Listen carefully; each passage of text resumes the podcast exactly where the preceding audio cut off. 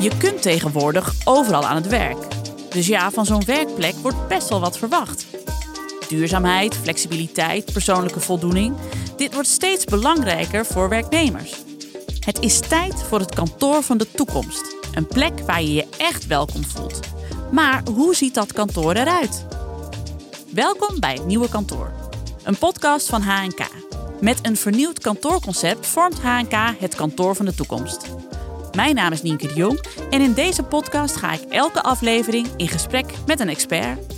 Ik praat in 12 afleveringen met hen over onder andere geur, circulair meubilair, muziek en klantervaring.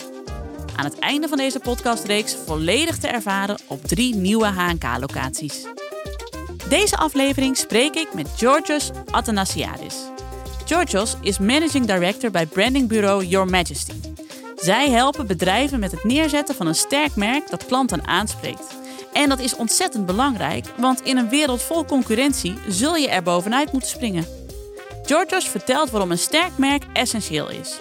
Oh, en let op, deze aflevering is in het Engels. Welcome, Georgios. So glad that you're here. Um, we're going to talk about branding today. Well, there are millions and millions of brands, but what makes a good brand? Well, thank you 1st Nice to meet you. I think strong brands have distinct brand assets. So logos, colors, sounds, music, all those kind of elements that are easy to pick up in, in the world and make them recognizable. And then they stick in people's heads. I, I think a good example is um, one of the biggest brands in the world, Coca Cola, which I think most people would be able to recognize from a mile away. And I think even if you would drop a Coca Cola bottle on the floor, peop- most people will see that it's a Coca Cola bottle because of its unique shape Yeah. and also with the red. So the reason that it is because of that is because it has a distinct color. They own that color red, and also the shapes and everything that they do in their mark and the shape of the bottle has also been consistently advertised to us for generations. Yeah. So that's why it occupies uh, that space in our minds. So it's a strong thing that they just stick with the brand for like 70 years now, maybe. Yeah. So uh, whenever I think about uh, Coke, I think of Coca Cola. I think of all those things together. Yeah, or like even like brown liquid, like yeah. Coca Cola or Pepsi are the top two Yeah. in, in most people's heads. Why is it essential for businesses to have such a strong, recognizable brand? Uh, I think having a strong brand is good for business because it is if, if you're recognizable, you attract potential buyers. Like it's it grabs your attention and uh, it brings people closer to investigate. Okay, what is this about? And secondly, like if they try out a product or if they experience your product or service and you make a good impression or uh, that impression matches the associations with your brand, you start occupying a place in their mind and and you set the expectations. So it's like, oh, if I come for this logo, I can expect this outcome. You're starting to build memory structures in people's heads. So they associate a certain look and feel with uh, expected results. And the third thing is that it makes it harder for your competitors to simply copy what you do and make you stand out from your competitors. Uh, without a brand to your product, you're simply interchangeable. It's like if Pindakaas in the Netherlands didn't have logos and brands, there would just be jars that you could take. Oh, it's peanuts in in every all of them. Yeah. But because of the brands uh, that exist, we identify with some or associate, uh, we, we affiliate with some of them. Those are the instinctive ones that we will pick on the shelf. Yeah, so like with the telephone, um, is that Apple is such a big brand uh, that I always think when I think about telephones, I think about Apple, but it's only because they made such a strong brand and and therefore stand out in the crowd of all the other telephone operators. Yeah, I Yeah. think Apple is yeah one of the biggest brands in the world, and I think one thing that brand also enables them to do is that they can charge a premium for them.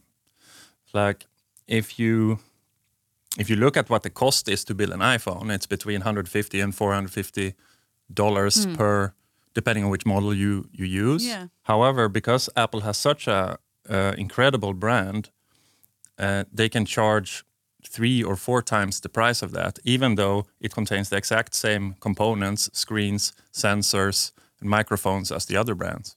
But why is it? Why is it that I also I'm willing to pay so much more just because it's a good brand. Why why am I so attractive to good brands? Um, according to uh, NYU's marketing professor Scott Galloway, uh, he typically say that consumers don't want more choice; they want to feel more confident in the choices that are presented with them. And this is something I totally agree with. And the second component there is that uh, humans we, we perceive visual information a lot faster, about 60,000 times faster than reading a text about something. So uh, brands provide shortcuts for our brains uh, to either uh, make uh, to feel more comfortable and feel safe about the choices that we make in the world. Uh, it's just how we're conditioned as humans, and it applies also to the products and, and, and services we buy. So, an e- example of that is if I would go to a new city and I want to have, like, here I'm having a coffee, and I was like, okay, I want to drink coffee. Um, going into a, a random coffee shop, do- I don't have any associations with that. It's a risk. It's a small risk, but it's a risk that I sometimes sits in my head. Maybe the coffee is bad because you don't know. Yeah, Yeah. well, maybe. Yeah, Yeah, exactly, exactly. Uh, however, if I see the Starbucks logo, which I can see from miles away, Mm-hmm. I know what to expect. Yeah. Like I can walk a little bit further. I'm not going to go get my my best coffee I ever had, but I know that I will ha- have that standard. Yeah, that's an example of you want to be more confident in your own choice. So you know Starbucks is a is a safe choice. Would you say Yes, exactly. So it's it's it's a shortcut. Like okay, if I go with Starbucks, I know that I'm going to have uh, expected results. Mm-hmm. So it provides a peace of mind in, in in a sense, and also it saves time. It saves decision making time. Yeah. It's the same if you would go on online website and and search for uh, HD TV. Mm-hmm. You're going to get like millions of results, but if you want to narrow that down, okay, I don't know anything about TVs. Then I'll say which one stands out in my head? Oh, Samsung TVs. Okay, Yeah. then it's just a hundred, and then I narrow down. I saved myself a lot of time. Yeah, that's like if I want to rent a, a house uh, in like in Berlin, I can Google rent house Berlin, and the options will be humongous. Yeah, yeah, exactly. and I go to our Airbnb and I know exactly what I am going to get. Yep. Is that also a really good example? Yes, I think Airbnb is a good example of successful branding. So, uh, and one of my favorites. So, Why is your favorite? um, because they they used to be, or it started out as like a rent a room service. So, yeah, go online, uh, you can rent someone's room and then live there.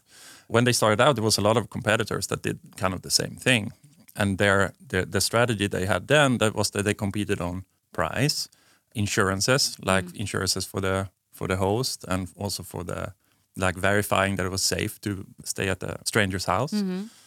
And also the pictures that got uh, with it, which was not very differentiated. Anyone could do that, but when they did their rebrand, they had a strategy with it that was their statement to belong anywhere, and I think that was a very powerful statement that helped them position as the number one hospitality brand in the world, Yeah. like all categories, mm-hmm. even compared to hotels, and they don't have any hotels. No. I think by focusing, like identifying, like what Airbnb allows someone to do, and then driving that home, that yeah, what it is, it's someone's home, mm-hmm. and it makes you feel like it should be about belonging, mm-hmm. and that we're all humans and we should welcome each other. And then the tagline "Belong Anywhere" makes total sense. Yeah. They built the brand world on top of that, the logo, which is like a simple symbol that you can anyone can draw Yeah. that kind of resembles a heart, kind of resembles a, like a pin dropped on a map, and kind of resembles like a roof over your head. Yeah. So I think that's wonderful, and uh, the outcome of that is that they built such a uh, easy to remember brand. So people people don't say we're going away for the weekend. Let's get a Booking.com No. or Expedia. No. No. people say let's get an Airbnb for the weekend, yeah. And uh, I think that's an example of, of really good in a, branding. in a few years it became like a total household name and what you say an example of a safe choice it makes it makes it easier for me to choose because i know it's going to be okay Yeah, when i go there exactly. yeah yeah well we talked about the good examples of branding um, now for the gossip what are the big mistakes you can make uh, uh, in branding I think the biggest mistake you can do as a company is to not invest in branding. I think for a long time now, brands have undervalued the power of brand. And I think an example of that is now uh, take a clothing company ASOS. Yeah. Uh, recently went out in a statement saying that that they did not invest enough in their brand, resulting in in poor uh, financial outcomes. Okay. And they attributed that to being more focused on performance marketing, like uh, getting Google to rank better and faster to search for things, um, which watered out the brand. And it it uh, they now see the the downside of that. Yeah, because if I think about it, I don't know what ASOS stands for. No. don't have a feeling. It has an association like it could be any online retailer. Yeah, yeah, yeah, Yeah. No branding at all. Yeah. That's the biggest mistake you can make. And the one that stuck in my head for all Mm. these years, which I guess in, it's kind of like a brand thing. Mm. PepsiCo did the rebranding of Tropicana in 2008. So Tropicana, the juice, yeah, which also involved the their uh, the packaging of the juice. Like everybody's, I think, remember can can see like a Tropicana with the orange on top of it. yeah, yeah, yeah. But they they changed the the, the packaging, and to a point where it was not recognizable. So when they they didn't test it fully, they just deployed it, mm. and literally overnight, their sales dropped with twenty percent Whoa. which was by by their scale like a hundred million dollars, hmm. and they realized that by changing such a iconic shape, people couldn't find it in the supermarket anymore. So they just didn't care. They quickly swapped back to the old I can imagine. Yeah. packaging. So the, the customer doesn't want to put a lot of effort in it to recognize your brand. Your brand has to be so recognizable that I don't have to put any effort in that. Ja. Ja, oké. Je kunt verschillende waardes en emoties aan je merk koppelen met sterke branding. H&K heeft dan ook goed nagedacht wat ze met hun merk willen uitstralen. Florien kan je vertellen welke keuzes er bij H&K zijn gemaakt.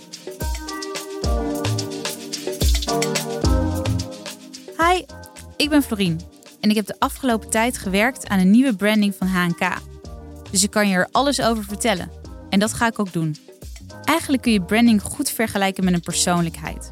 Wie ben je? Wat vind je belangrijk? Hoe zie je eruit? Hoe praat je? En wat straal je uit?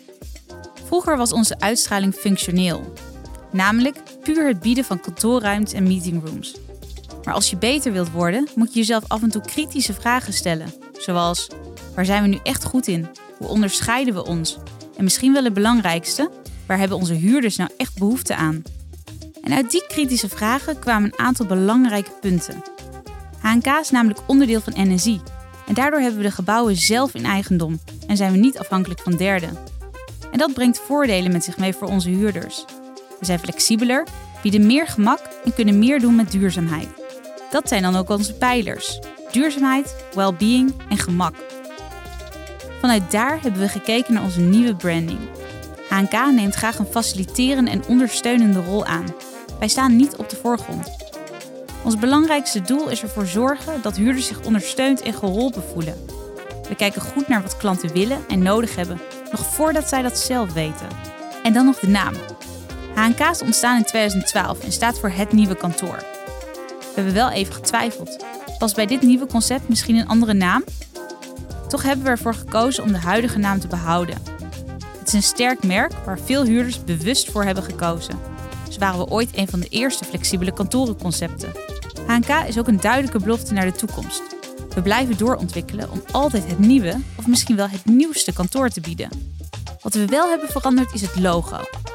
Eerst was het hard, zwart, vierkant en vooral erg aanwezig. En dat terwijl we een merk willen neerzetten dat wat meer op de achtergrond, vriendelijk en open is. Het nieuwe logo heeft daarom een ronde vorm, wat een gevoel van warmte, vriendelijkheid en veiligheid uitstraalt. Ook in onze huisstijl komen duurzaamheid, well-being en gemak terug. Het groen in combinatie met de natuurlijke tinten oogt rustig, vriendelijk en fris. Maar wat merk je hier nou van als je in onze gebouwen bent? In onze communicatie gebruiken we vaak de term You're welcome. Die term heeft voor ons een dubbele lading. Aan de ene kant de letterlijke term die je gebruikt als iemand je bedankt voor je services, maar ook om iemand welkom te heten.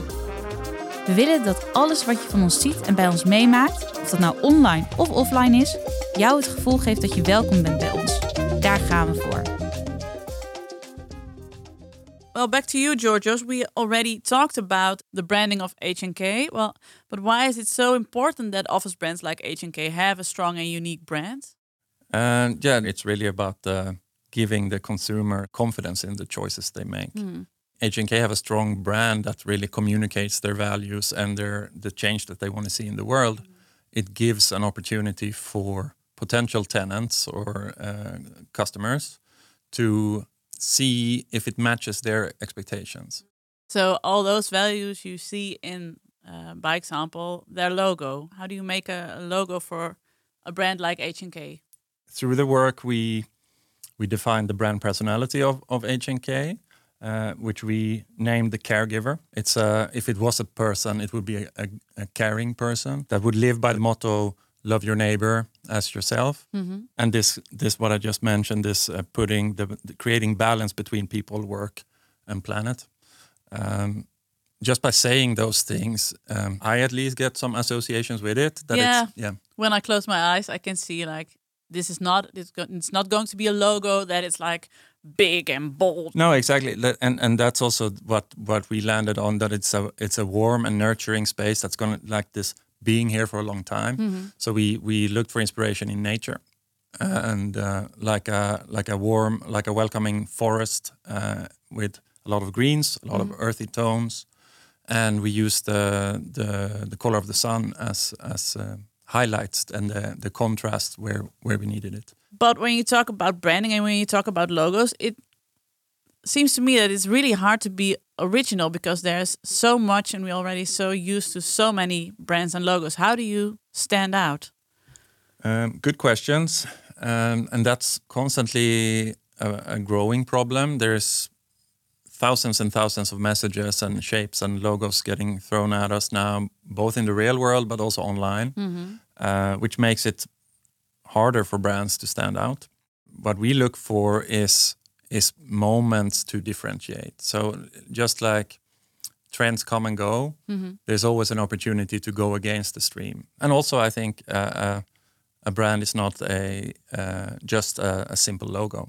So it's not only the logo, it's the whole look and feel and the whole thought process uh, behind it that you already explained. So Yeah, Yeah. I, I think uh, elaborate a little bit on that is that a logo is only a small part of your brand world. Um, if you look just at the mark, a lot of companies will look the same. Like take uh, Gucci and uh, Chanel as an example. yeah. two very similar logos if we would just put them next to each other. But thanks to all the other things that they infuse the brand with, the the music, smell, colors, how it moves, how their store looks, and their advertising, it creates two different brands. Yeah. Well, in this podcast, we talk a lot about uh, the future of the uh, office space. But if we talk about the uh, future of branding, uh, where do you think uh, we're going? I think consistency will be continue to be essential. Um, and like when you define your brand, that sticking with it and not expect to only to, to see immediate short-term results, but see it as a long play. Um, and being consistent, coming back to work and communicating in the same way um, for a long time, because that's the stuff that builds this memorability in people's minds. If you would change your tone of voice or change how you communicate or change your your your logo uh, too often, the, you create confusion and disconnect, and and then people will forget about your brand. Additionally, I think brand will continue to be important.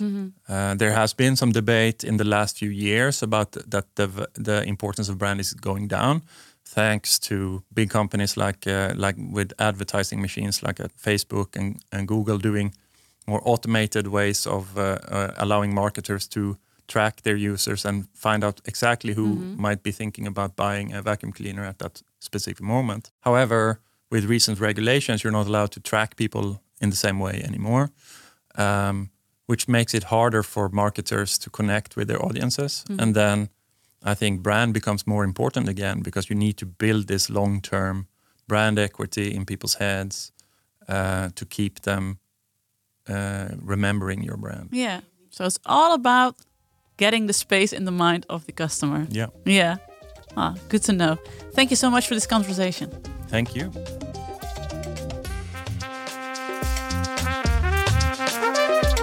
Dit was het nieuwe kantoor, een podcast van HNK. Nieuwsgierig naar jouw kantoor van de toekomst? Ga naar hnk.nl, boek een rondleiding en kom langs op een van onze locaties. Welcome to a new way of working.